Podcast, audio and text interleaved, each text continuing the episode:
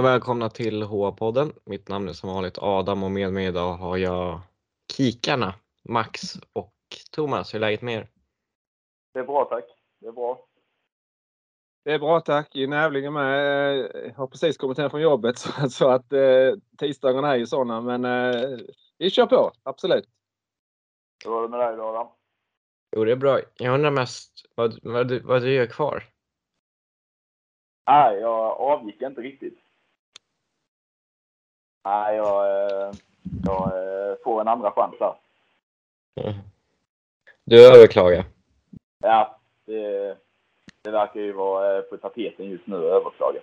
Men om vi börjar med nyhet. Så Viktor Stråle till Björklöven. Coachat två matcher, sex poäng. Vad tycker ni om den rekryteringen? Eh, jag gillar den spontant. Eh, ung, modernt ledarskap, spelar den hockey som man förstått. Eh, detaljkunnig. Har ju inte varit headcoach på seniornivå innan. Var det lite i Malmö J18 och J20 men och gått under Peter Andersson där man lär sig en del om hur man coachar och även under Roger Rönnberg i Frölunda. Så har nu mycket bra influenser att plocka med sig och nej, jag gillar rekryteringen av Björklöven. Um, känns eh, både bra kortsiktigt eh, såklart med ny röst och eh, att han kan implementera kanske ännu tydligare vad man vill göra på isen och få igång typ eh, Hutchings nu för han har ett ganska hårt ledarskap, sätter inte några tummar emellan utan säger vad han tycker. Och även på lång sikt så tror jag att han och Kent eh, tillsammans med övriga sportliga ledningen är en eh, väldigt bra eh, grund att bygga på för Björklöven. Jag, jag har ingenting att tillägga. Det, jag tycker det var bra sammanfattat av Max. Och så säger vi även grattis till Fredrik Andersson som har nått milstolpen 100 mål i HA. SSK-produkten. Ja, ja, ja alltså jag, utan att kolla på listan innan så tänkte jag att han hade fler än 100 mål. Uh, alltså redan innan han gjorde mål igår mot Västervik. Eh, men man tänker ju Fredrik Andersson som en som varit i Hockeyallsvenskan år ut och år in. Eh, eh, även om fallet inte är så viktigt. Så uh, jag trodde han hade fler än 100 mål, men såklart fin milstolpe. Och sen har det även hänt tränarförändringar i Almtuna. Sparkat sin tränarduo och flyttat upp Jimmy Anderström från J20 och så har sportcheferna Danielsson och Mårtensson gått ner som assisterande tränare. Vi kan, det, vi kan, vi kan väl eh, inflika där också eller tillägga att eh, Anderström har ju inte varit eh, i eh, seniorlaget under hela säsongen utan han började ju J20 och flyttades upp och nu flyttas han upp ytterligare ett snäpp då från assisterande till headcoach. Ja. Uh, framförallt måste vi ju nämna bilden. Uh, jag vet inte om det var Almtunas officiella eller om det var bara Hockeyallsvenskan. Uh, fantastisk. Bilden på uh, Jimmy när han presenterades. Frisyren? Ja, alltså underbart och blicken och... Uh, ja, men jag alltså accepterar hur en hår är liksom och inte vara så jävla kameravänlig hela tiden måste jag stå bakom. Det uppskattar jag. Ja, det var en, det var en häftig bild, det var det. Absolut. Men sen eh, grejen med att man plockar ner sina sportchefer med Mårtensson då och i båset. Eh, jag är ju generellt emot det. Jag tycker att det ska finnas en liten brygga mellan eh, eh, spelartrupp och kanske sportchef. Eh, KIK har det, men då är det samma person. Men i att eh, ofta brukar man prata om, eh, typ som Färjestad och så, med Peter Jakobsson, att han var för nära laget eh, och kom ner och skällde ut laget i pauser och kanske efter matcher och sånt.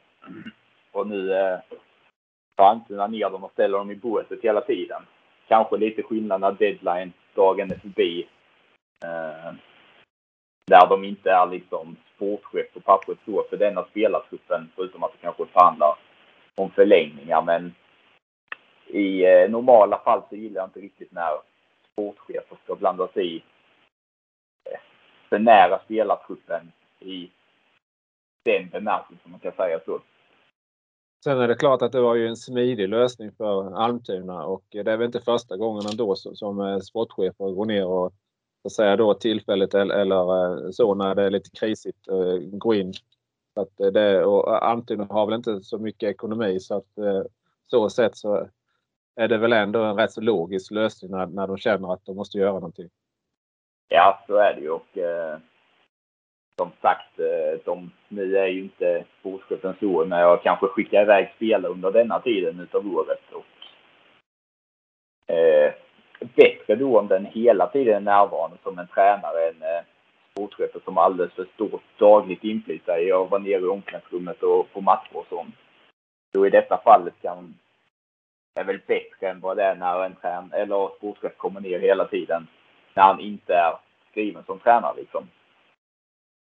Och sen kan ju tilläggas att Almtunas tränarsituation har ju redan sen i somras när eh, Robert Kimby valde att gå till en civil karriär eh, varit lite oklar. Även om man inte ska lägga någon eh, skugga på eh, ledarpojken som man haft nu under säsongen. Det känns ju som ett intressant namn i alla fall, även om man inte vet så mycket om honom. De har ju väldigt bra juniorverksamhet för att inte vara ett superelitlag. Verkligen och eh, återigen en ung coach, modernt tänk. Eh, Sverige har ju ändå varit ganska duktiga på att eh, fasa in eh, yngre tränare och ge dem chansen. Eh, jag som följer NHL är ju inte riktigt den där är det liksom 40 gubbar som turas om att ha ett jobb i ligan eh, som huvudtränare. Sverige fortsätter sin trend med att man satsar på unga och därför att våra tränare är eftertraktade och många kan ta steg ut i Europa och liknande. Och det gör ju antingen ett steg i den riktningen nu också. Sen har jag inte alls koll på Andersson, så, men spontant känns intressant i alla fall. Yes, vi går vidare. Lite dansk sagostund Max. Eh, ja. Det handlar ju om att eh, Dagen Eriksson har eh, valt att eh, lägga av här sin eh, spelarkarriär. Men ska väl fortfarande, om jag har förstått det rätt, eh, finnas runt eh, Vik av Skoga. Han kunde inte släppa det helt. Han gästar ju Stanny och Svenssons podd. Eh, Där han kommer att finnas runt laget lite och vara eh, stöttning och så och vill följa resan. Men våran eh, kompis Oliver Wilén skrev ju en text på Svenska fans han hyllade Daggens insatser både på och utanför isen i Vik Skoga. Så vi tänkte ta ett litet utdrag. Tack för allt Mikael Dagen Eriksson. För ett dagens dagar, sedan kom beskedet att Viktor Skuggas lagkapten och kulturbärare Mikael Eriksson tvingas avsluta sin karriär. Den fotskada som rörde sig i början av säsongen vägrar läka och därför kastar 61 in handsuget nu. Eh, för mig är Mikael Eriksson den första spelaren som jag har följt från debuten till avslutad karriär. Jag minns hans första säsong i A-laget. Jag minns hans återkomst efter utlandsäventyret. Jag minns när han tog över lagkaptensbilden. Det finns många andra avslut som känns tunga tidigare, men detta avslut är nu ändå det värsta hittills. Att Daggen tvingas avsluta sin karriär med en skada kan inte beskrivas som annat än sorgligt. Hans karriär borde avslutas med ett framgångsrikt, slut, framgångsrikt slutspel, en utflyttning samt ett firande på torget. Verkligen inte med en segdragen skada. Av allt man hör kring människan Mikael Eriksson finns det inte mycket till att säga. Han har varit en mycket omtyckt lagkapten, både inom laget men även av supportrarna. Som någon utifrån har han alltid varit en av de mest vältaliga och därför mest intressanta att lyssna på. Många intervjuer med idrottspersonligheter ofta bleka men Dagges intervjuer var nästan alltid underhållande. Av egen erfarenhet har han dessutom alltid ställt upp för sina lagkamrater och försvarat dem när de fått kritik, vilket såklart är ett väldigt gott personlighetsdrag hos en lagkapten. Sen skriver han lite om Daggen också som spelare, men all respekt för hans eh, karriär som ishockeyspelare, men det är personen och intrycket man har fått av eh, Mikael Daggen Eriksson och hur hela Hockeysverige pratar om honom och har hyllat honom, som sticker ut för mig i alla fall. Eh, fint skrivet utav Oliver. Och om ni inte förstod vad Max sa så finns hela Olivers text på svenska fans. På svenska. Ja. Vad har ni för intryck av Daggen? Eh, mina intryck är väl att eh, det är den här eh, spelaren som eh, det inte finns så många av i, i, i dagens hockey-Sverige överhuvudtaget kanske i dagens hockey. En spelare som han har gjort 13 säsonger i, i BIK Karlskoga, seniorsäsonger och eh, kämpat, slitit. Varje byte har han gjort allt han har kunnat för BIK Karlskoga. Så att det, han är inte ett unikum, men det är som sagt det är inte många spelare som har gjort lika mycket för en klubb som Mikael Dagen Eriksson har gjort för BIK Karlskoga. Så all respekt. Och, ja.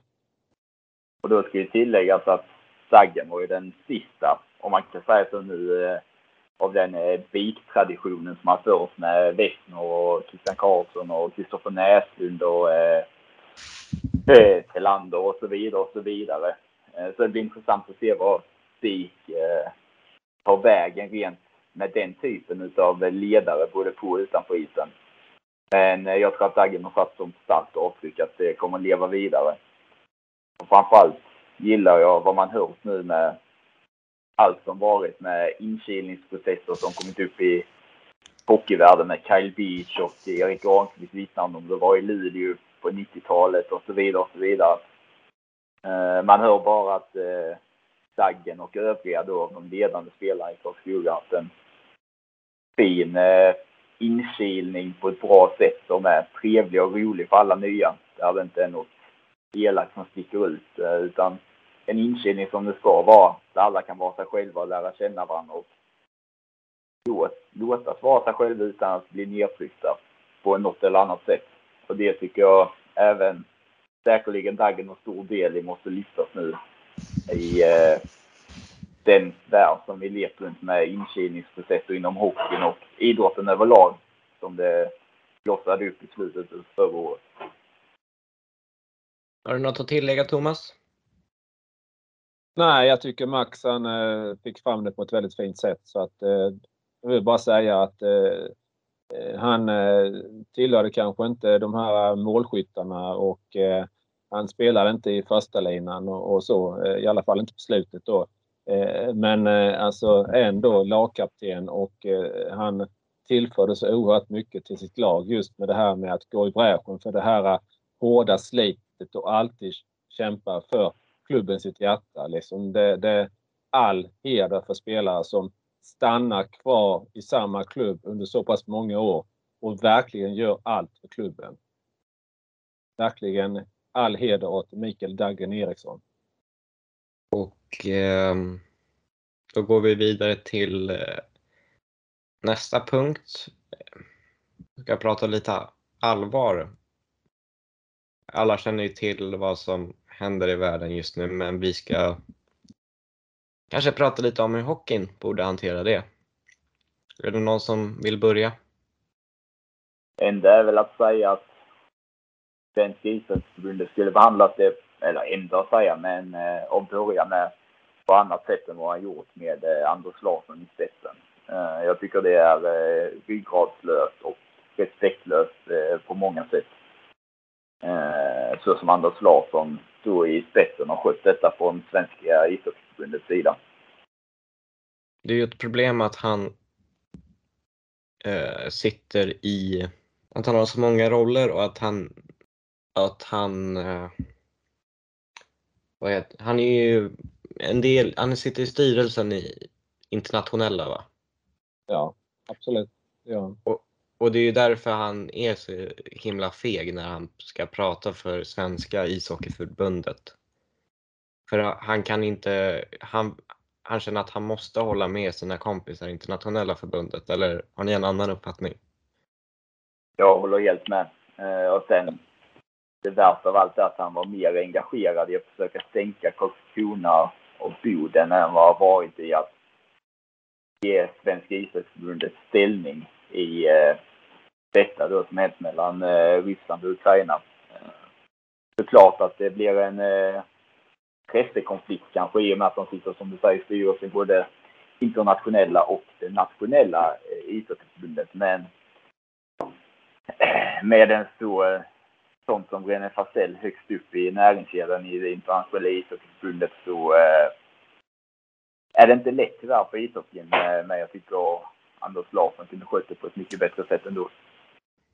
Ja, både som representant för eh, svensk ishockey och även då för internationell ishockey så har han ju inte visat någon ryggrad och eh, han har ju inte vågat gå i bräschen någonstans utan inväntar då vad alla andra tycker och eh, då först då så kan han liksom ställa in sig i ledet. Eh, han är ju trots allt ordförande i Svenska ishockeyförbundet så det borde ju på något sätt vara han som sätter ner foten och och visar vägen och och allt det här fruktansvärda som händer då i Ukraina. Så, så att man då gömmer undan sig och inväntar då vad alla andra tycker och tänker. Det, nej, det, det, det, jag tycker det är dåligt. Ja, han ställde upp i Simon-studion i lördags är det väl.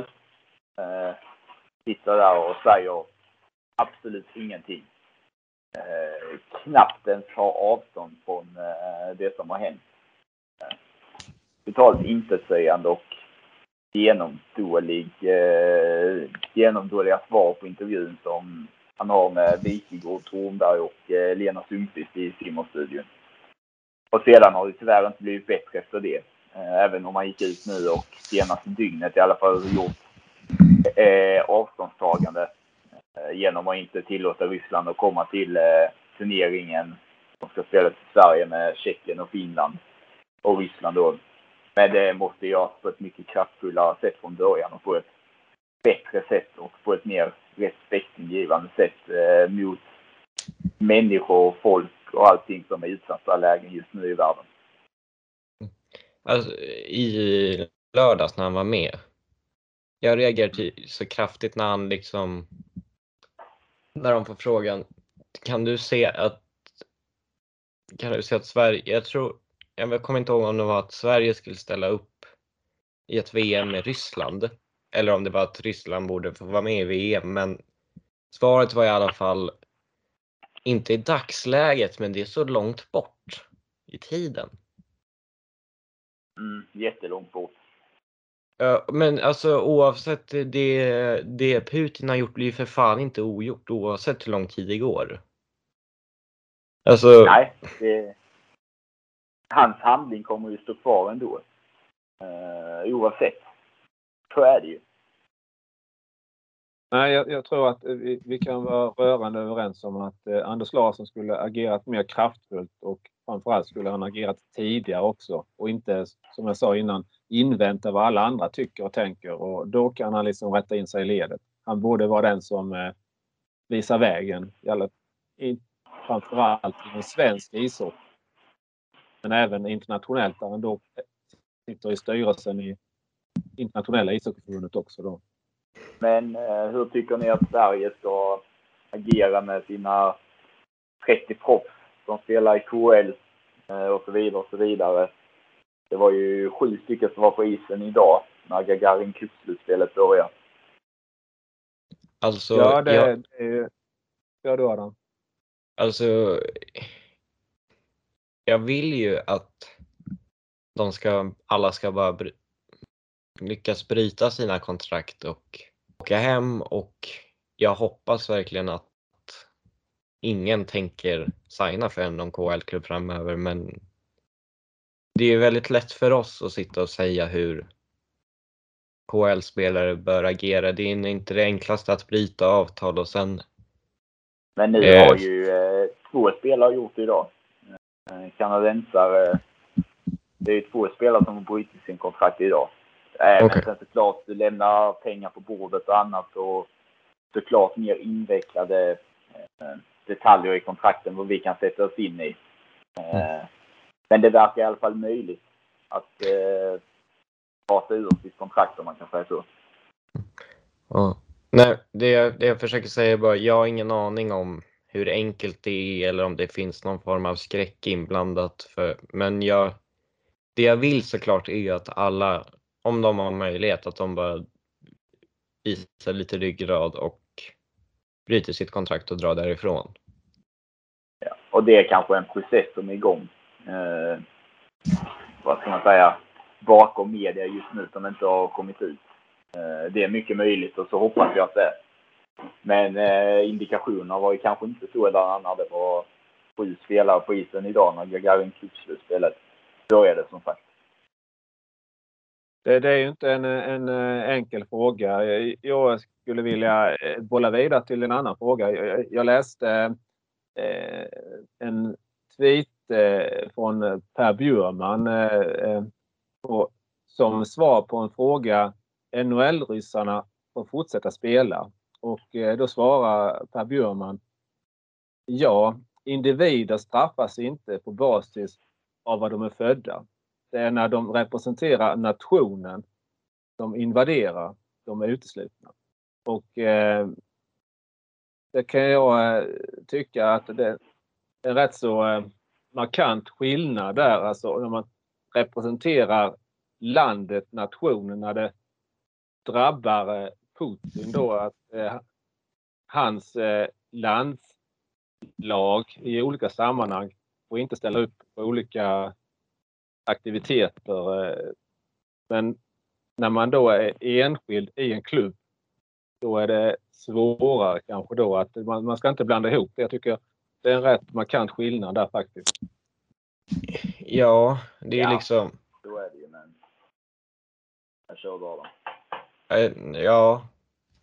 Alltså, så, allt handlar ganska mycket om vad man har för politiska åsikter. Om man tar SSK till exempel som har Nikita Tolopilo som inte är ryss men som är född, i- som är belarusier och därför, och det är ju, ja den diktatorn är ju ganska tajt med Putin men han har ju inte valt att bli född i Belarus men skulle han liksom vara för den här invasionen och eh, stötta det så är det en annan sak. Alltså, men det är liksom, man kan inte sparka ut någon eller för att den har en viss nationalitet. Det, Nej. Folk ska ju inte drabbas när de själva inte har gjort någonting för att de är födda i ett visst land. Eh, så radikala kan vi inte vara att, vi, att folk ska straffas bara för att man är födda i Ryssland eller Vitryssland nu. Eh, typ som eh, jag läste att Tyring har krävt att eh, skickat in ett eh, brev till Svenska ishockeyförbundet att alla ryska spelare ska eh, deras kontrakt ska brytas i Sverige här och nu. Um, Då, då, då går det in på individ och inte liksom att det ska drabba individ och inte när de representerar Ryssland i landslag. Och då tycker jag också som ni att det är helt fel. Det lyser ju igenom rätt så rejält också där att eh, det är i Borås klart det som Tyringe eh, alldeles säkert syftar på. Borås har vi inte hur många ryssar de har i, sitt lag och eh, Borås är väl en allvarlig, Konkurrent. ja, allvarlig konkurrent. Konstantin Barulin i mål bland annat som ja, har gjort ett eh, dussintal, ganska många dussintal landskamper för Ryssland bland- bland annat. Ja, eh, och som sagt då Borås är ju en allvarlig konkurrent till Tyringe. Tyringe har ju som mål att, att ta steget upp i Hockeyettan. Nu vet jag inte alls hur det ligger till där och så vidare i det, i det slutspelet eller hur långt de har kommit. Men, men eh, ja, det är klart. de ligger fyra i allettan och Borås ligger tvåa. Ja. Eller alltvåan. Sen, skulle jag bara vilja göra ett. Ja, förlåt. Här kör du. Nej, jag skulle bara vilja göra ett tillägg här. Det, det, en sån spelare som Alexander Ovechkin har, har ju figurerat rätt så mycket i, i media här och man kan tycka och, vad man vill och så vidare om hans hanterande av situationen. Det är klart att det är hans, han har sin familj kvar i, i Ryssland. eh, eh, Men eh, alltså han skulle ju åtminstone kunna göra en väldigt tydlig markering. Det är att byta Instagram-kontobild. Jag tycker det är alltså det kan du väl i alla fall våga Alexander Ovechkin. Eh, det, det, det är det minsta man kan begära. Alltså ha en bild där han eh, poserar ihop med en man som har gått in i ett främmande land, invaderat ett, ett eller inte främmande land, ett grannland. Liksom. Det, det, det, nej, det, där går min gräns eh, på något sätt, Alexander Ovechkin. Det, det, det, det kan du göra, åtminstone. Radera den eh, eller byta ut den bilden. Det känns ju lite konstigt att ha en sån profilbild och sen säga att man är opolitisk. Ja, precis. Men vi verkar överens om det mesta här. Är det någonting vi har missat? Nej, men det är väl bara att eh, eh, ja, berömma fotbollen med och eh, att de eh, var snabbt på det och flytta Champions League-finalen från eh, Sankt Petersburg till Paris. Eh, hur de har nu löst det med att, eh, att Sverige, Polen och Tjeckien gick ihop att de inte ska spela mot Ryssland i playoff och så vidare och så vidare. Eh, och sen eh, framförallt eh, big up till Ukraina som står emot och alla länder som stöttar. Absolut. Ja. Ska vi gå vidare då? Eller? kan vi göra. Ehm, och en debatt som har eh, florerat de senaste veckorna är, har det väl blivit. Det tog hundra år för beslutet att komma men efter Södertäljes anmälan har eh, Västerås fått poängavdrag och Södertälje tilldelas en eh, 5-0-seger i matchen. Man förlorade med 3-2 efter straffar och Västervik tilldelas en 5-0-seger eh, för eh, 4-1-förlusten man hade. Och det hela grundar sig i att Akalov och Grebenchikov inte hade arbetstillstånd. Och jag tänker Och att... nu ska ju tilläggas att Västerås har överklagat. Kan vi säga. Ja, och det kommer vi nog också komma in på, men vi... Jag tänker att vi får börja någonstans med att titta på beslutet och tänka om det är rätt utifrån regelverket. Alltså, det stora felet är ju, om vi nu ska börja i den änden, eh, så är det ju att det finns ju liksom eh, om Västerås IK nu ska straffas och Västerås IK har ju gjort fel, men sen är det ju många andra instanser som också har- gjort fel då. Migrationsverket har lämnat eh, felaktiga vilseledande uppgifter och Svenska ishockeyförbundet och eh, ligaorganisationen Hockey- Hockeyallsvenskan har, har ju också, vad jag förstått, lämnat felaktiga uppgifter. Men eh, det är ju ändå Västerås IK som har arbetsgivaransvaret och det slutliga som då låter spelarna komma ut på isen och eh, ansvaret, det ansvaret kan ju aldrig tas ifrån Västerås IK. Så Västerås IK har gjort fel och Västerås IK ska straffas på något sätt.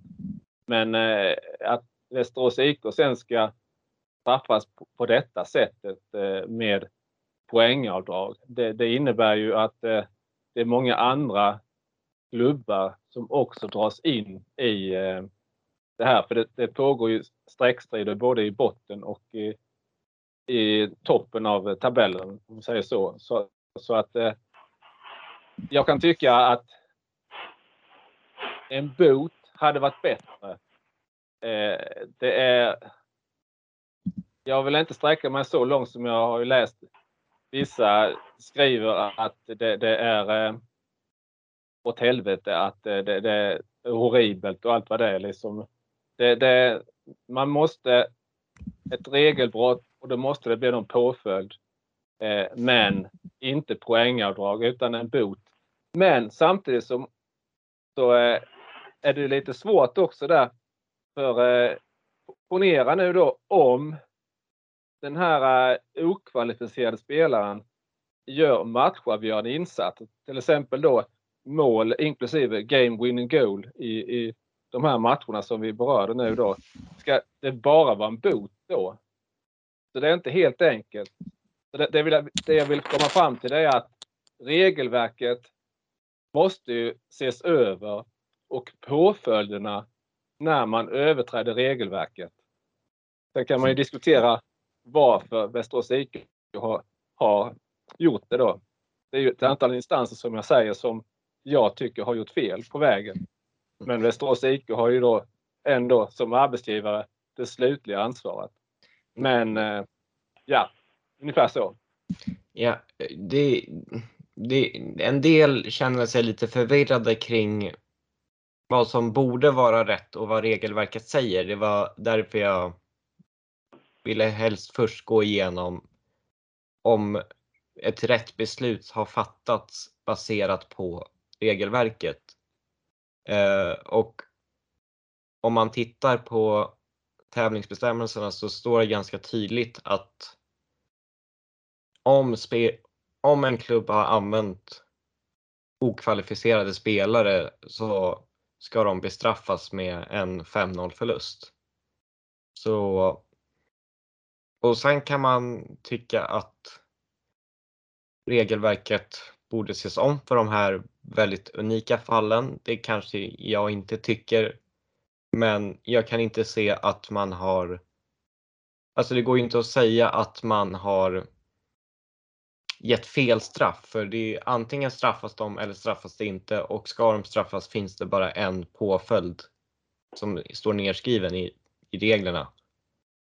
Jag tycker även om man läser regelboken så är den ganska tydlig och det är också något Zetterberg kan jag tycka borde göra och inte göra, försöka göra en egen tolkning för att få in dem så snabbt som möjligt. Och jag kan även tycka att det är amatörmässigt för som jag förstår det har han inte någonting av det här så, av den här informationen han fått från förbund och migrationsverk i skrift. Precis. Och då är det, hur ska man då kunna bevisa att han har fått fel information? Nej, han, han säger ju själv att han har fått fel information och hade han fått en annan information att eh, det, det, hade varit okej okay, och, och, det hade visat sig att det var okej, okay, då, hade, då, hade inte, då hade vi inte hamnat i den här situationen. Men uppenbarligen så, så eh, någonstans har det, har det blivit fel. Vik har gjort fel eftersom de har spelat okvalificerade spelare.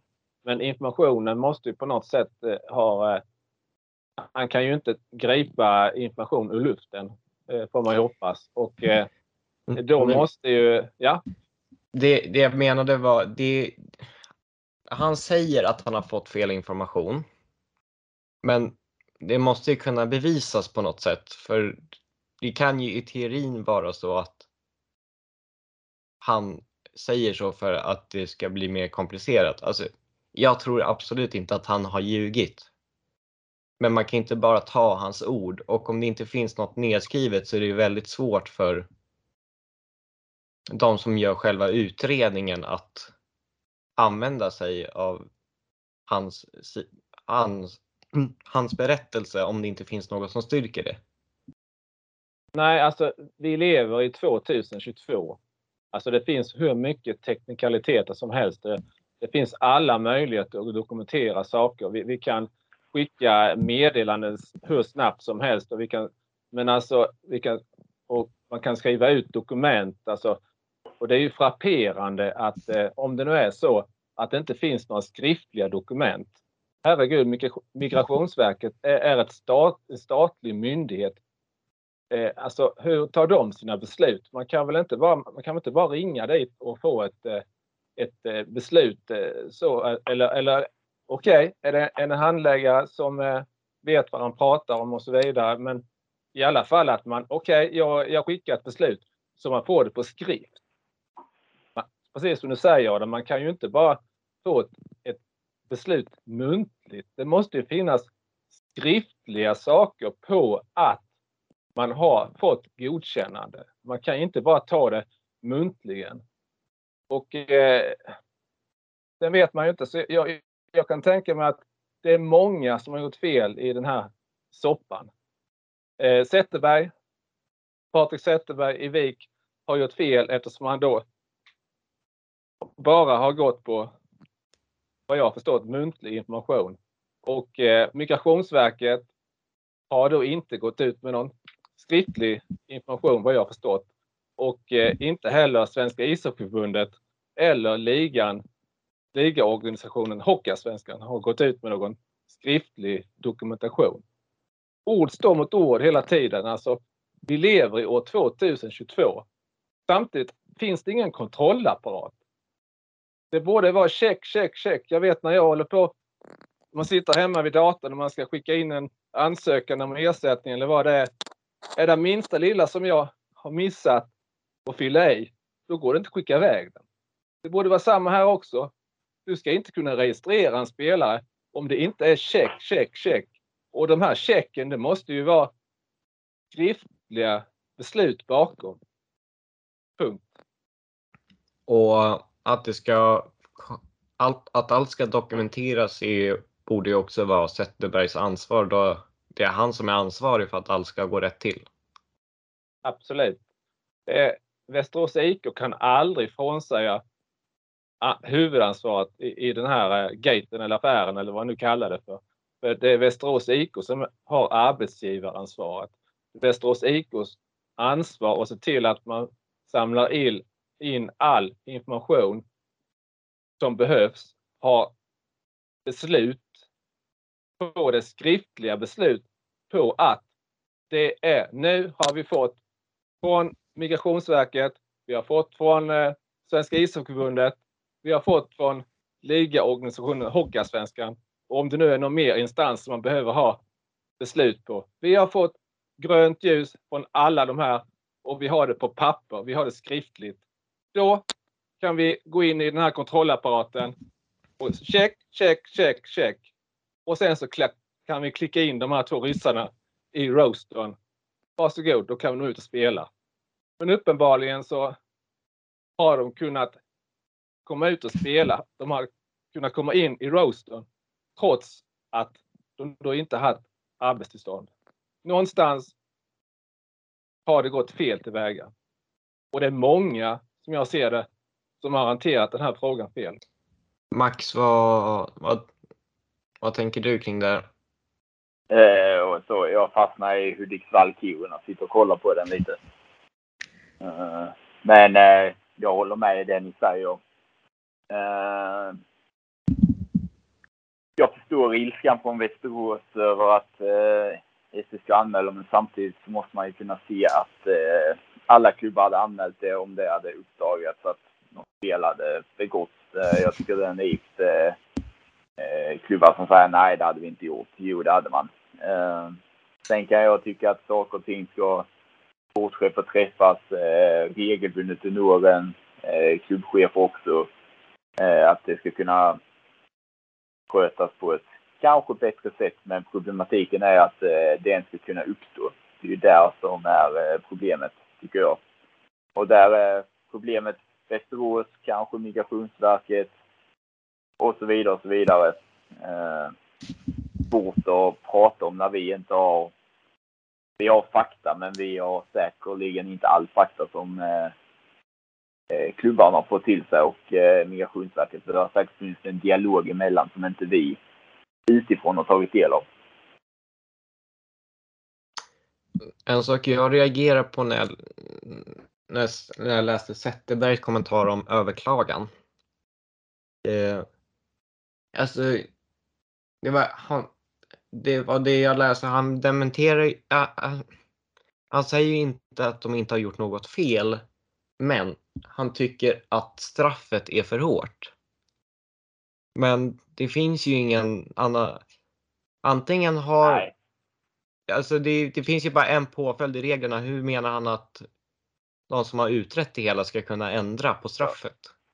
Ja, ja jag förstår eh, vad du säger. Eh, jag tror Zetterberg, nu vet jag inte vad han menade, men jag tror att han uttrycker det i en eh, större fråga att han tycker att det måste ses över eh, för att det ska bli en sportslig rättvisa för andra lag. Såklart inte var sportsligt rättvist för eh, Västervik och eh, spela mot eh, Västerås när inte Grebenchikov var registrerad korrekt. Han gjorde en assist och de vann 5-1 i 5-1. Men samtidigt att lag ska kunna få nackdelar av matcher som de inte påverkar, alltså är med i och saker som sker utanför isen, att det ska kunna drabba dem. Det är där jag tror Zetterberg menar i ett större perspektiv att man måste hitta en lösning där inte oskyldiga klubbar drabbas. Eh, det är de klubbarna jag lider med. Eh, Almtuna i detta fallet, Tingsryd, VPS mest. Eh, sen är det såklart synd om SSK och Västervik som fick möta Västerås som var dopade utav två spelare som de inte skulle få använda. En i Västerviks fall. Men som sagt, jag tror att det är en fråga som sätter mig till ett större perspektiv än bara den enskilda händelsen. Att man måste hitta ett rättssystem som är bättre utformat. Sen har jag ingen aning hur det skulle kunna bli bättre utformat för lag som inte är inblandade i själva den incidenten kommer att bli drabbade hur den gör det. Uh, ja. ja det, det kanske blir lite flummigt men uh, det är en svår fråga och det är väl den tanken jag tror Zetterberg har. Nu har jag inte läst hans citat rakt av om det var denna situation han tydligt pekar på eller om det är en större fråga framöver också. Men eh, samtidigt, hur ofta händer detta? Alltså han sa, ju, han sa det där i samband med att de liksom har överklagat beslutet. Mm. Och det är, det är liksom, det, det, det är inga, inga tävlingsändringar kan ju liksom, man kan inte göra fel och sen vilja, alltså om reglerna ändras kan inte det ha något med överklagan att göra. För det är, Nej. det är reglerna som var under den här incidenten som borde gälla. Ja, ja, straffet är ju som du sa helt rätt. Eh, det finns ju inget annat straff att ge. Ehm, så det finns inget att säga någonting om. Eh, men som sagt, jag tror att det är en större fråga man måste komma åt det också. Mm. Men det jag, det jag blir fundersam är varför överklaga om det... Alltså, fine om han känner att de är oskyldiga, men känner han att de inte är det, varför överklaga? Jag vet inte om eh, Patrik Zetterberg och Västerås IK är ute efter att eh, någon eh, tjänsteman på Migrationsverket eller någon tjänsteman på Svenska ishockeyförbundet eller på ligan, eh, Hockeyallsvenskan, liksom ska ge sig till känna. Det är jag som har gjort fel. Det är jag som har gett Patrik Zetterberg vilseledande information. I och för sig muntligen, men alltså han, han vill, vill kanske lite skydda sin egen rygg där att eh, jag har fått fel information. Eh, ska man behöva dubbelkolla det och så vidare? Ja, säger jag. Du måste ha det skriftligt. Det har du inte haft. Men på något sätt så, eh, det, som jag sa innan, Alltså, vi lever i 2022. Man kan ju inte sitta på Migrationsverket och på Svenska ishockey, ishockeyförbundet och även på ligan, Hockeyallsvenskan och liksom bara ge muntlig information i, i sådana här stora ärenden. Det måste ju ske skriftlig dokumentation. Här är ett beslutsunderlag.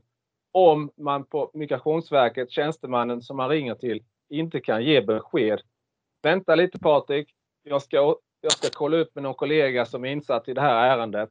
Jag återkommer. Och jag återkommer så du får ett skriftligt besked. Det borde känner, ju vara självklart. Jag känner att det är ganska klart. För arbetstillstånd har behövt i alla år. Alltså de har gjort någon form av egen tolkning för att försöka få in ryssarna så fort som möjligt. Alltså det brukar sällan vara smart att försöka tolka myndighetsregler på ett eget sätt? Nej, alltså det är ju frågan. Hur många handläggare finns det på Migrationsverket? Hur många är det som handlägger de här frågorna på eh, Svenska ishockeyförbundet inom ligan eh, Hockeyallsvenskan? Alltså är det en person bara eller är det 10 eller är det 20 eller vad det är? Är det olika personer som ger olika besked? Det måste ju finnas regler som Migrationsverket har. Eh, det är väl inte första gången ryssar ska in och spela i eh, Hockeyallsvenskan. Det, det måste ju liksom finnas sen tidigare också. Man kan ju inte bli helt handlingsförlamad eller inte famla och inte veta vad man ska säga. Okej, okay, det kanske är någon, någon nykomling som, som eh, Patrik Zetterberg har ringt till på någon av de här instanserna. Men då får man ju kolla upp det med någon kollega som jag säger som, som vet hur man ska gå tillväga och framförallt se till att Patrik Zetterberg, Västerås IK i det här fallet, får ett skriftligt beslut på vad som gäller. Så vi inte ska kunna sitta i efterhand liksom och spekulera och så vidare. Det borde ju handlingarna på bordet. visa vad är det som är dokumenterat i det här ärendet. Vad är det som har gått fel? Patrik Zetterberg och Västerås IK har gjort fel som har spelat de här spelarna när de inte hade arbetstillstånd. Men någonstans mer har det gått fel. Patrik Zetterberg borde ha skriftliga beslut på att spela. Han har inte haft det. Där har Patrik Zetterberg och Västerås IK gjort fel. Men någonstans mer måste det ha gjorts fel i det, i det här soppan. Mm. Och för att eh, förtydliga för lyssnarna vad jag menar med egen tolkning så är det ju eh, en form av 90 dagars regel i alla fall att eh, om du har bara visum får du arbeta om du spelar inter, alltså i en internationell liga eller internationell turnering vad man nu vill kalla det. Och då ska det ha varit någon på Migrationsverket som har tolkat Hockeyallsvenskan som en internationell liga. Men liksom... Ja, är, den här det, tjänstemannen då har gjort en egen tolkning. Ja, och det, men det, om man är Zetterberg och han får den informationen. Alltså om, om, om någon skulle säga att Hockeyallsvenskan är en internationell liga, skulle inte du bli fundersam då? Absolut. Nej, jag, jag har också svårt att se att man ska kunna ändra beslutet. Eh, eftersom det finns ju eh, ett fel är begånget och eh, som det är nu så, så finns det ju bara en straffpåföljd. Och det är ju där som också är det stora felet att Eh, det inte finns några andra straffpåföljder och att, att citat välja mellan då utan det är bara eh, poängavdrag och 5-0. Det, det, är liksom, eh, det känns lite förlegat att det bara finns den straffpåföljden. Ja, men vi verkar överens om att rätt beslut har tagits efter regelverket så Eh, jag tänker att det är två saker till vi borde diskutera och det är det du är inne på nu Thomas och sen om man får, borde få anmäla eller rapportera vad man nu kallar andra klubbar. Eh, men vi kan väl börja med Max, vad, vad, tycker du om att det bara finns en påföljd? Eh, det är väl bra i grunden. Annars så ska det värderas situation till situation och det ska göras skillnad och bla bla bla bla bla. Men eh, så i grunden tycker jag det är bra. Sen så kan jag som sagt tycka att eh, straffet är hårt framförallt mot lag som eh, drabbas som inte har gjort något fel. Men det är jättesvårt eh, för hur du än sätter straffet så länge det inte är böter så kommer ju klubbar drabbas. Så är det ju. För SSK och Västervik är ju oskyldiga också. Ja, SSK och Västervik är ju drabbade mm. också. Men de är drabbade på ett annat sätt än vad övriga 11, eller vad blir det, 11 lagen när man tar bort Västerås Västervik och eh, Södertälje är i ligan. Så de andra drabbade på ett annat sätt. Um, så ja, jag vet inte. Eh, Adam, jag, jag skrev på, på lunchrasten idag så, så skrev jag ner följande. Min kontenta av det här. Alltså förbundet eh, slash tävlingsnämnden behöver se över, uppdatera regelverket och straffpåföljder. Förbundet slash tävlingsnämnden behöver se över uppdatera sina rutiner vid liknande övergångar. Alltid skriftliga beslutsunderlag.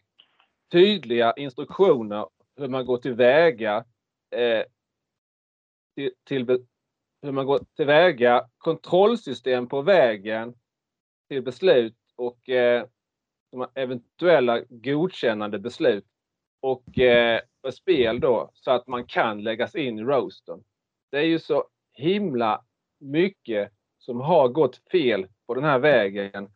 Där det framförallt saknas skriftliga beslut och ett kontrollsystem. Och eh, sen då rutiner som eh, man kan undra liksom hur länge sedan är det som de här rutinerna sågs över?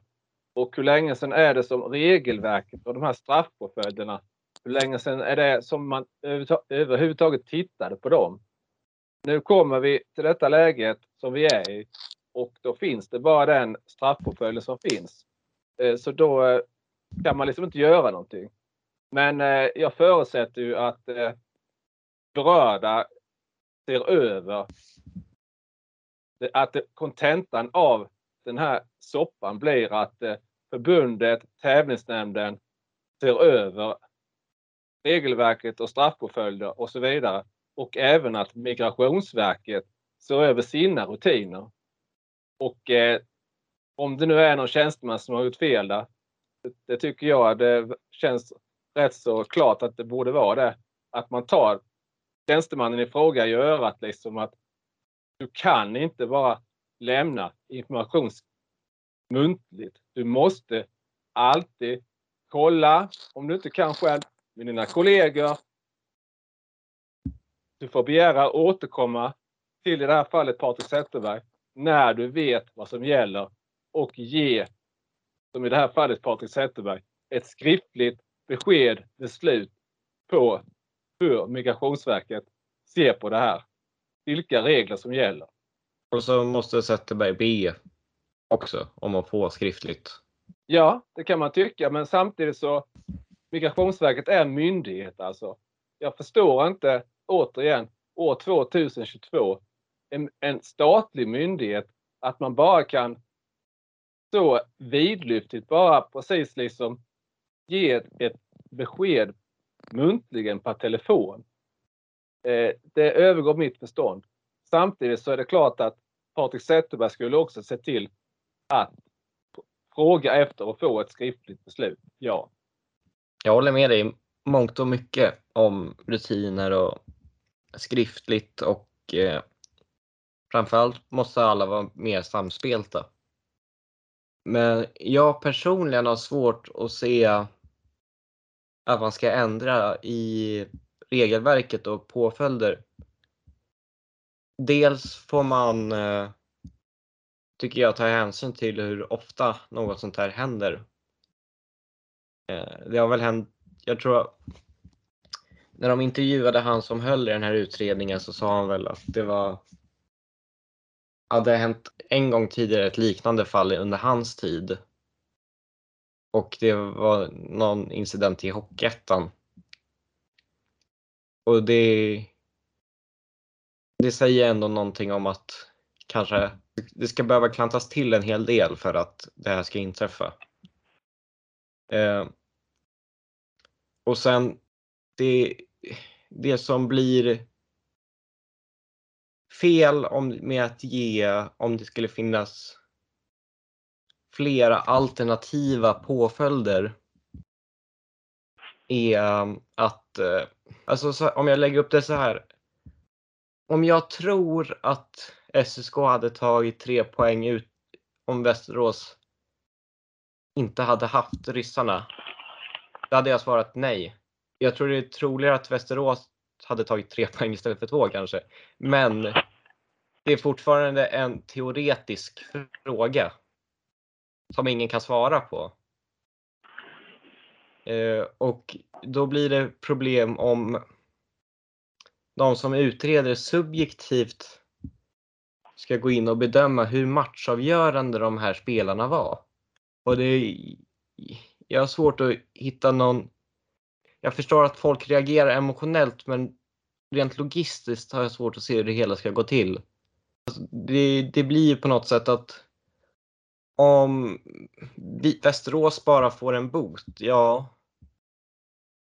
Då blir det ju SSK och Västervik som blir drabbade istället för de andra lagen. Alltså, Ja, nej, det, det är jättesvårt eh, Adam. Det, det är eh, eh vad, vad, vi, vad jag tror att vi alla är eh, överens om det är att eh, alla instanser som har varit inblandade i, i den här eh, härvan behöver se över sina rutiner och eh, Svenska ishockeyförbundet, eh, ligan, eh, nu är det väl inte ligan eh, Hockeyallsvenskan som, eh, utan det är väl förbundsmötesbeslut eh, helt enkelt när det är regeländringar och så vidare som det måste klubbas på ett förbundsmöte. Men det är Svenska ishockeyförbundet som får utreda frågan och lägga fram ett förslag till eh, förbundsmötet om regeländringar och så vidare.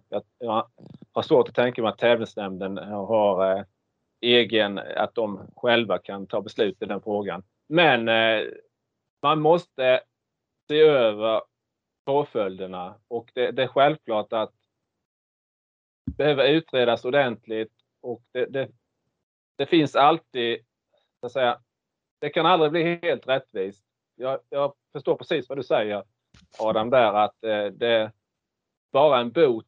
Det, det, det, det, är inte tillräckligt heller i alla lägen och eh, vem avgör hur pass matchavgörande? Då blir det alltid subjektivt och, och så vidare. Man kan ju, även om man inte har gjort något mål eller, eller så vidare, så, så kan man ju ändå ha varit matchavgörande i spelet. Man kan ju ha förhindrat motståndarna genom sitt effektiva spel i mittzon eller vad det är. Liksom, att inte de har kommit till några målchanser. Så att det, det, det är jättesvårt också.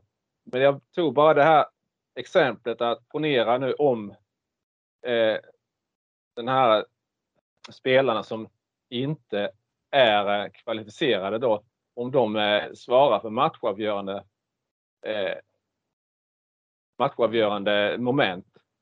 Hur ska man då väga in i det hela?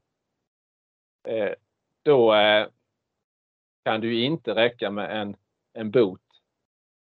Eh, ska det i vissa andra fall kanske räcka med en bot? Det, det, jätte, jättesvårt men, eh, men eh, man måste på något sätt göra en grundlig utredning, titta på hur man kan göra regelverket bättre.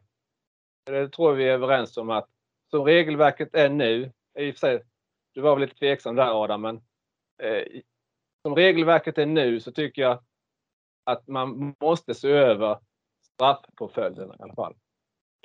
Mm. Utreda. Det är, det är populärt att säga, inte minst i dagens svenska samhälle, att man ska utreda saker så att eh, kan vi skicka den till regeringen. De är ju glada för att utreda saker. Vi är inte riktigt överens där, men det känns ändå som att vi framförde vad vi tycker väldigt tydligt, så det räcker nog så. Um, ja. Ja, eh, bara en sak jag vill tillägga att en del reagerar starkt på hur mycket det här påverkar tabelläget i stort. Och det vore ju konstigt om inte annat. Och jag förstår väldigt många att det blir emotionellt så, men eh, jag tycker inte att det är saker man kan ta hänsyn till i sådana här utredningar utan någonstans måste ju allt sånt där läggas åt sidan och man får gå efter logik.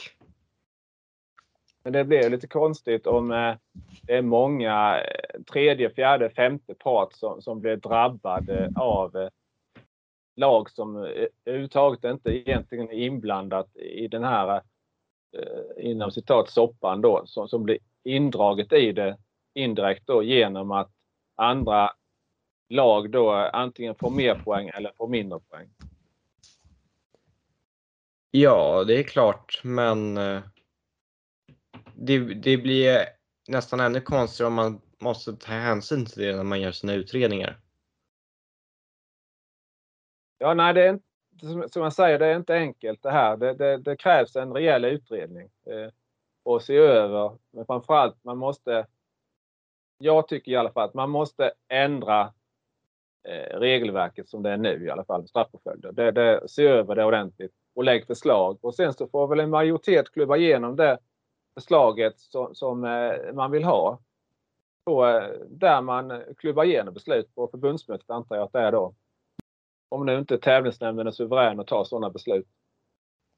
Sen eh, apropå den andra frågan du sa Adam. Eh, eh, anmäla. Det är faktiskt så att eh, Södertälje SK har inte anmält.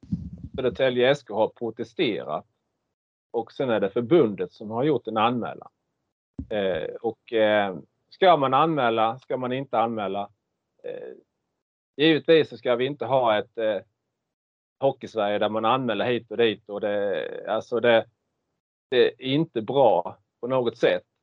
Men samtidigt så kan man ju inte vara rädd heller för att när man ser att någonting är fel så måste man ju kunna påpeka det, föra fram det. Och eh, sen är det då upp till eh, Ja, i det här fallet så är, är det väl eh, då tävlingsnämnden, Svenska ishockeyförbundets tävlingsnämnd som har tagit ett beslut. Jag kan ju bara jämföra med hur det ser ut i, i övrigt. Jag jobbar inom skolvärlden och eh, ser jag något, det kanske haltar att jämföra med eh, ishockey eller idrott med eh, hur det ser ut i övrigt i samhället. Men om man nu ändå gör den, försöker bara relatera till hur det ser ut där. Ser jag någonting på förskolan jag jobbar som är felaktigt, då har jag skyldighet att anmäla det till rektor. Och sen är det rektor som tar beslut om vi ska gå vidare. Så jag tycker att man ska inte anmäla för anmälans skull. Men ser man någonting som är fel, tycker inte jag att det är fel att man på något sätt för fram det. Och att det finns någon som tar hand om den här anmälan och eh, eller i SSKs fall då en protest och där då Svenska ishockeyförbundet gör en anmälan som man utreder själv då och kommer fram till ett beslut. Eh, Max, har du något att tillägga innan vi går vidare? Nej. Jag Känns är så. så trött på den diskussionen. Det har varit ett Twitter i två veckor och ja, jag har inget att tillägga i detta. Ja, dags att gå vidare. Ja. Ska vi gå in på eh, eh, kanske de eh, trippelmötet mellan eh, Södertälje och Vita Hästen och dubbelmötet mellan eh, Södertälje och Kristianstad IK kanske då. Um, ja. Det finns väl inte så mycket att säga. Vita Hästen var fem gånger bättre. Så. Och det var ett rån att vi tog tre poäng i söndags. Eh, det, ni, det såg ut som det såg ut som att vi spelade mot en SHL-kandidat nästan. När man såg vilken klasskillnad det var stundtals. Jag vet inte om ni har sett någon av matcherna? Jag har sett alla tre.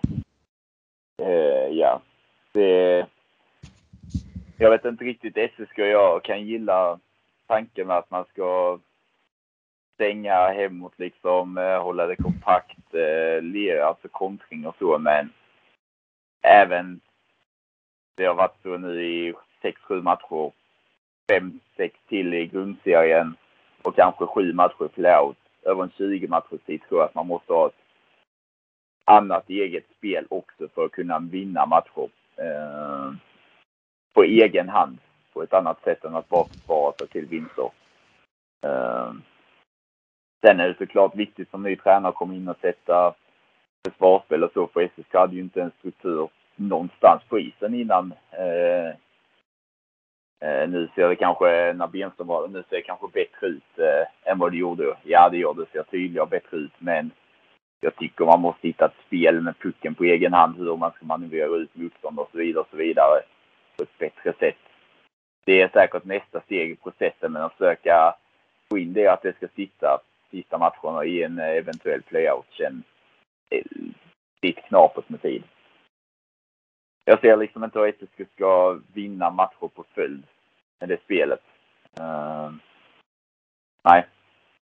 Tror, tror du att det blir framgångsrikt mot eh, Kristianstad IK nu då eh, imorgon onsdag och eh, på fredag i dubbelmötet här mellan Kristianstad och Södertälje SK? Eh, så som SSK har spelat eh, nu så eh, KIK haft en del problem med ett lag som har ställt upp i mittzon. Eh, men skillnaden är typ när Björklund gjorde lite mot KIK och när Västerås gjorde lite mot KIK så har de ändå haft en samlad fart hem. SSK ställer med en gubbe som styr och sen är nästan fyra helt stillastående. Så länge KIK är smarta liksom och ja, komma samlat, chippa ner pucken djupt, bygga långa anfall därifrån för att inte bjuda på att tappa puck på blålinjen. jag vill inte se KIK spela konstruktivt från egen blålinje eller i mittzon någonting alls. Så där kommer man kunna bjuda SSK på möjligheter om man tappar puck i prekära situationer. Så rör, chippar ner djupt på SSKs backar nästan helt stillastående. Har varit nu då kommer KIK vara först ner. Och sen litar jag på den fantasin som man har i anfallszon och eh, mönstren som man också har i anfallszon. Att det kommer man kunna utnyttja på SSK. Spelar KIK 45 minuter i anfallszon och når tillbaka till en viss standard som man kan ha så kommer då kan det bli tråkigt för SSK, tror jag. Det var, det var väl lite så om, om jag fattade rätt eh, att eh, SSKs eh, 2-1 eh, nu i, i tredje matchen på kort tid. Eh, Jakob Dahlström, det var väl eh, i box? 1-1. 1-1, okej förlåt. 1-1 var det. 2-1 gjorde Martin ju när han petade in den på retur. Ja. Ja. Ja. Ja, ja. Det är väl inte där som du pratar om. Colby Sissons, Colby Sissons missar pucken, alltså skjuta direkt i powerplay. Dahlström kontrar.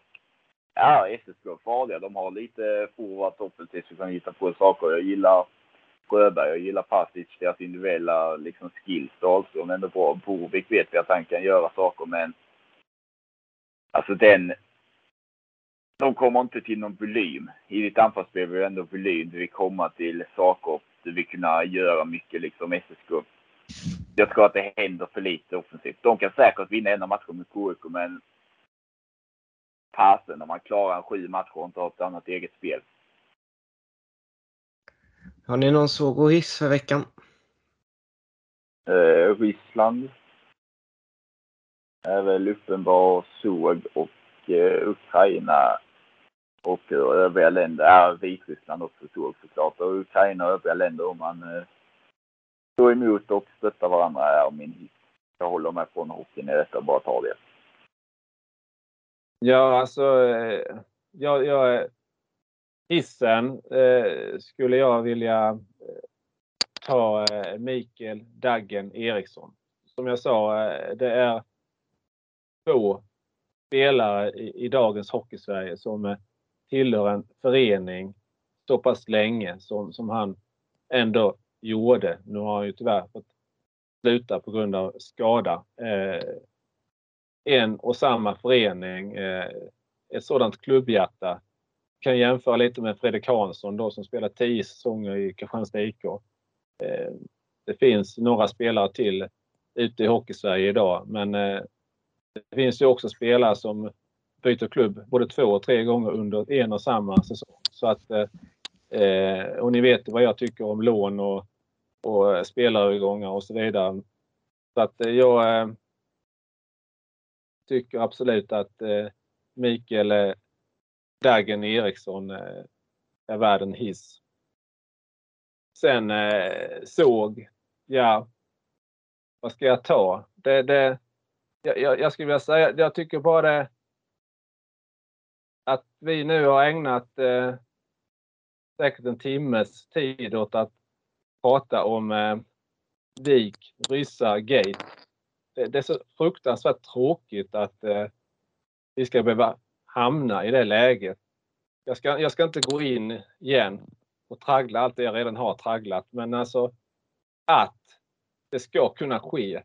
Att det ska ske så pass mycket felaktigheter på så många håll att eh, amatörmässigt skött på så många händer där man bara i Sverige 2022 får muntliga besked att man inte ser till att få skriftliga besked beslut. Nej, jag kan tycka det är tråkigt att eh, i Sverige 2022 att eh, vi ska behöva genomlida en eh, sådan gate liknande Vik Ryssar gate. Min såg får bli eh, hur en del eh, skriver på sociala medier när eh, det blir eh, väldigt viktiga poäng på spel och allt ska börja avgöras och så vidare. Eh, jag tycker det är flera som skriver mycket i affekt och på känslor och Det kan jag också göra ibland och hamna ur balans och så. Men oftast försöker jag göra det olika typ, alltså inte göra det offentligt. Och jag man vet inte alltid hur en annan människa mottar det så man kanske ska vara försiktig med att man skriver till folk man inte känner. Och jag, nej, jag, vet, jag tycker bara att det blir sällan konstruktivt och ja, det blir mest många som man normalt sett respekterar blir bara jobbiga att följa och inte alls roliga att interagera med. Så sen är det såklart allt relativt och skulle också vilja ha Ryssland och Vitryssland som såg men eh, om jag ska välja något eget så är det det. Och om jag ska hissa något så är det Almtuna-tränarens frisyr. Mycket bra. Vilket av dem? Frisyren? Frisyren, ja. Stockren. Ja, eh, jag gillar det du sa på din eh, såg också Adam. Jag, jag, jag skrev ju ett inlägg på Svenska fans häromdagen just i, i, det, i det ämnet. Så att eh, jag eh, gillar det du sa nu. Absolut. Ehm, um, vi har fått tre lyssnarfrågor som vi väl kan ta oss igenom. Um, den ena är om det här som vi pratade alldeles för länge om, så det, den hoppas jag personen har fått svar på. Sen undrar Ludde Gurka, den här kan du ta Max. Kan Västerås hota med alla friska? Eh, ja, det tycker jag. Eh, så som Västerås spelar i eh, november och december så är det inte många lag som jag har sett eh, har den eh, toppen i sitt spel. Eh, sen så tror jag att eh, poängtappet man fick nu på eh, fem poäng, jag tyckte för det gör att man inte kommer kunna ta sig förbi Björklöven och få en hemmaplansfördel och eh, Västerås hemma är oerhört starka. Eh, så jag tror att den har varit viktig att de hade fått en eh, fjärdeplats i eh, grundserien för att få den extra matchen hemma i kvartsfinalspelet i alla fall. Men ja, Västerås kan hota. Ingen ny information om hur det är med Johan Gustafsson. Det är såklart tungt om inte han kan stå, även om jag tycker Ryttar gjorde bra så han är inte den matchvinnartypen. Jag tror inte man kan Man går nu inte långt med Linus Ryttar, eh, tyvärr. Jag gillar honom som målvakt, men det är skillnad på han och eh, Johan Gustafsson. Men eh, Jansson tillbaka. Eh, och det ser där backsida bra ut. Logan Rowe, en toppback i hela serien. Eh, Forwardsidan spetsig. Mattias Kronberg äntligen få ut det som han har potential att göra. Och förmodligen en av allsvenskans absolut bästa spelare när Han är på humör. Eh, Ryssarna kommer att fylla sin funktion och i övrigt ha en spetsig forwardsida. Eh, det är bara att de behöver hitta en jämnhet i sitt spel. De faller igenom alldeles för mycket. Igår med Troja bland annat. 40 minuter som är riktigt dåliga nästan. Men Västerås höjd är det få lag som matchar denna serien. Så Västerås är verkligen inte räknarna. Du nämnde inte August Thornberg där, Max? Nej, men jag tycker att eh, Logan Rowe eh, Jansson är bättre. Tornberg är väl deras fjärde bästa back kanske i mitt tycke. Men eh, tyvärr, eh, Jallen har inte varit en bra värvning så att, eh, att eh, Jimmy Jansson nu tillbaka gör att man har sju kompetent, eller riktigt bra backar tycker jag i sitt lag. Gillar verkligen Östman med. Eh, sen Jardeskog har jag lite delad uppfattning om sen hans tid i Tyringe och Vimmerby men eh, kanske en OK-back på denna nivån och en eh, typ som man behöver i slutspel. Så Västerås lagbygge gillar jag. Eh, bara att de behöver få ihop det och hitta ett eh, jämnare spel. För deras topp är riktigt bra, men de måste ha låga och framförallt långa dalar utav matcher i rad som kan vara på en låg nivå. Uh, och sen en från Löven Forever. HV71 med sitt monsterlag slår inte Björklövens poängrekord från 1920. Beror det på att alla lag är bättre i år eller var Björklöven det bästa laget man sett den säsongen? De hade ett jäkla lag på pappret i år, Björklöven. Men eh, sen kan man säga så att eh, Modo hade 111 poäng. Timrå hade 107. Jag vet inte hur många lag som kommer upp i de siffrorna i år. HV når kanske upp i 115 på sin höjd och sen eh, Modo och Karlskoga kom precis över 100. Eh, botten är alltså, det var Sven Björklund Björklöven hade då, men jag tror att det är en bredare serie i år. Eh, lag som, som kan hota om att gå upp. I året så var det ju tre lag. Nu gick ju inget upp, men tre lag som var i en verkligen särklass för sig själva. Detta år finns det ändå fem lag med realistisk möjlighet och ytterligare tre lag som har kapacitet för att eh, nästan kunna gå upp. Så eh, det är en jämnare och bättre serie i år. Men den spetsen som fanns i de tre lagen då och framförallt då Björklöven finns kanske inte i år. Och sen har HV haft en helt annan eh, säsong. Alltså de har ju tränat stenhårt på matchdagar. De har eh, använt matchdagar som en träningsdag i mångt och mycket och eh, ska väl komma formtoppade nu eh, mot slutet och har lagt upp sin säsong för att vara bra i slutspel. Så att de skulle vara topplag skulle de ju vara oavsett. Så eh, de är formtoppade till slutspelet. Eh, men över en 52 matchers säsong så var Björklöven en större maskin. För de förmodligen lyft sin säsong på annat sätt då än vad HV har gjort i år. Det är väl typ min take på det. Sen var det ju också en väldigt uppdelad serie. Eh, 1920. Det var ju en del lag som tog fruktansvärt lite poäng. Eh, Alltså AIK tog inte mycket mindre än vad Björ eller Troja kommer ta i år. KIK tog 55 och kom näst sist. Det är typ vad de lagen kommer ta i år.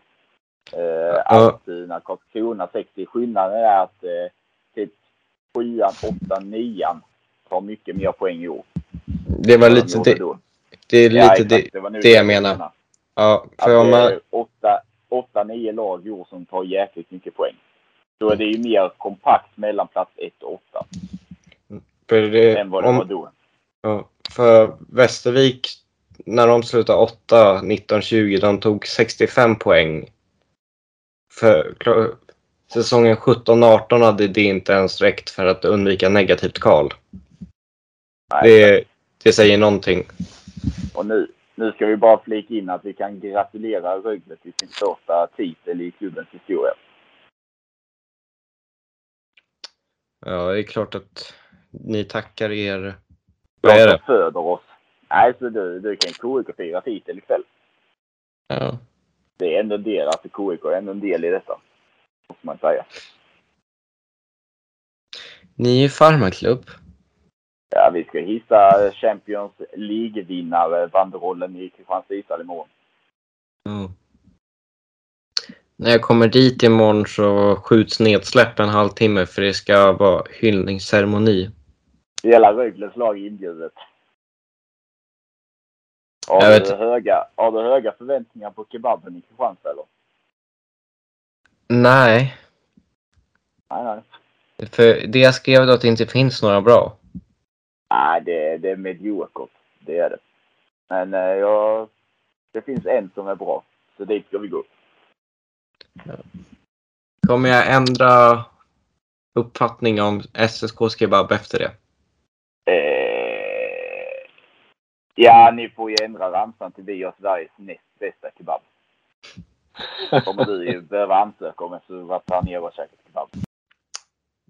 Jag har, eh, jag har lyssnat på er nu. Jag har egentligen eh, bara två. eh, Ja, kebaben den lämnar jag därhän. Men Eh, en reflektion eh, Max till- ditt resonemang där. Eh, HV71 hade ju en, en eh, svacka där. eh, Jag vet inte riktigt hur lång den var men det var ju i alla fall under den perioden som eh, Kristianstad IK vann eh, båda matcherna mot eh, HV71 där 26 och 28 november.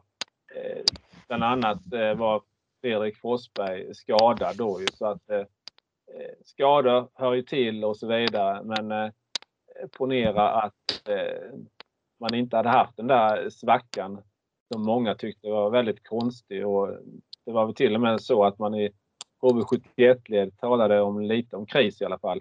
Eh, hade inte, jag, jag säger hade inte HV71 haft den eh, svackan, krisen då, så hade kanske Lövens eh, rekord på 1920 inte stått sig.